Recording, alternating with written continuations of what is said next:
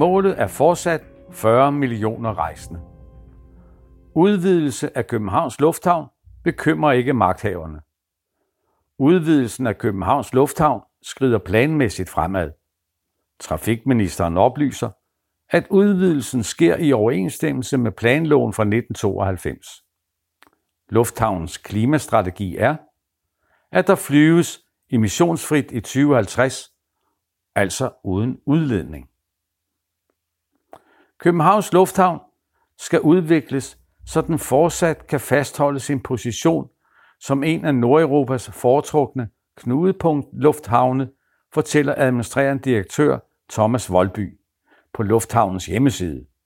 Målet er, at den årligt skal betjene 40 millioner rejsende.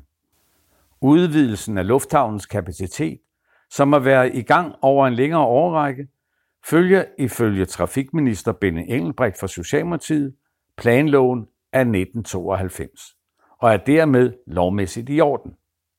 Dertil har Lufthavns ledelse lavet en klimastrategi, som skal sikre, at flyene er emissionsfri i 2050. Sådan lyder svarene fra regeringen og Lufthavnens ejere, når kritiske røster spørger til det rimelige i udvidelsesplanerne. Borgergruppen CBH mod udvidelsen, som organiserer borgere, der allerede i dag føler sig stærkt generet af lufthavnens miljøgener, har via enhedslistens ordfører Henning Hyllested stillet en række spørgsmål til trafikminister Benny Engelbrecht om sagen. De har blandt andet spurgt, om lovgrundlaget for udvidelsen er i orden, og om der foretages de nødvendige målinger af miljøgener, så naboerne til lufthavnen kan føle sig trygge. S-minister. Udvidelse helt i orden. Trafikminister Bengt Engelbrecht har nu svaret på spørgsmålene, og arbejderen fået adgang til hans svar. Planloven fra 1992 gav Københavns Lufthavn det nødvendige grundlag for udvidelsen. Og det er Tornby Kommune, som lufthavnen er placeret i, der siden har været ansvarlig for de dispensationer af love, regler og planer, som de allerede gennemførte udvidelser hviler på, fremgår det af trafikministerens svar. Den socialdemokratisk ledede regering omdannede i 1994 Københavns Lufthavn til et aktieselskab, hvor private investorer fik aktiemajoriteten, fordi man ønskede den drevet på forretningsmæssige vilkår. Folketinget har ikke siden lagt op til en offentlig debat om, hvor mange fly, der må starte fra lufthavnen, til gene for de omkringværende beboere og for klimaet. Københavns Lufthavn har til gengæld nedsat en interessegruppe, som de kalder CBH Vækstkomité. Den har til formål at styrke Københavns Lufthavns konkurrenceposition internationalt og at tilpasse den omkringværende infrastruktur, så den matcher lufthavnen bedst muligt. Vækstkomiteens repræsentanter kommer fra landets trafikselskaber, turistbranchen, Region Hovedstaden og også fagforbundet Dansk Metal og AP Møller Mærsk er med i interessegruppen. Trafikminister Benny Engelbrecht deltog i november sidste år i en konference, som CPH Vækstkomité arrangerede. Ifølge erhvervsmagasinet Dansk Industri Business støttede ministeren på konferencen behovet for en udvidelse af lufthavnen. Han tilføjede, at hensynet til klimaet og målet om at sænke CO2-udledningen bliver en afgørende faktor. Vækstkomiteens formand, den tidligere overborgmester i Københavns Kommune, Jens Kramer Mikkelsen, beroligede på konferencen Benny Engelbrecht sådan.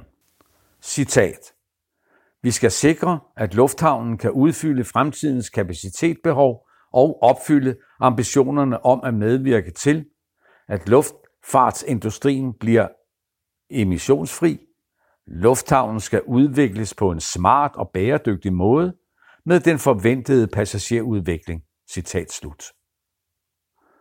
Lufthavnens klimastrategi Lufthavnens administrerende direktør Thomas Volby lancerede i marts sidste år Lufthavnens nuværende klimastrategi.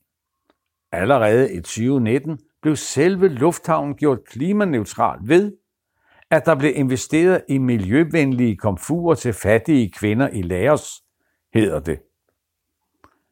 Næste skridt i lufthavnens klimastrategi er, at alle lokale transportforbindelser til og fra lufthavnen skal være emissionsfri i 2030, og endelig skal flyene være emissionsfri i 2050. Det er ifølge CPH's hjemmeside. Hvordan målet om de emissionsfri fly kan opnås, var der ingen forklaring på. Til gengæld oplyses det, at eldrevet fly ikke er løsningen. Hvis vi flyver videre som nu. Klimaforskeren Jory Rochelle er en af forfatterne bag den årlige emissionsgap.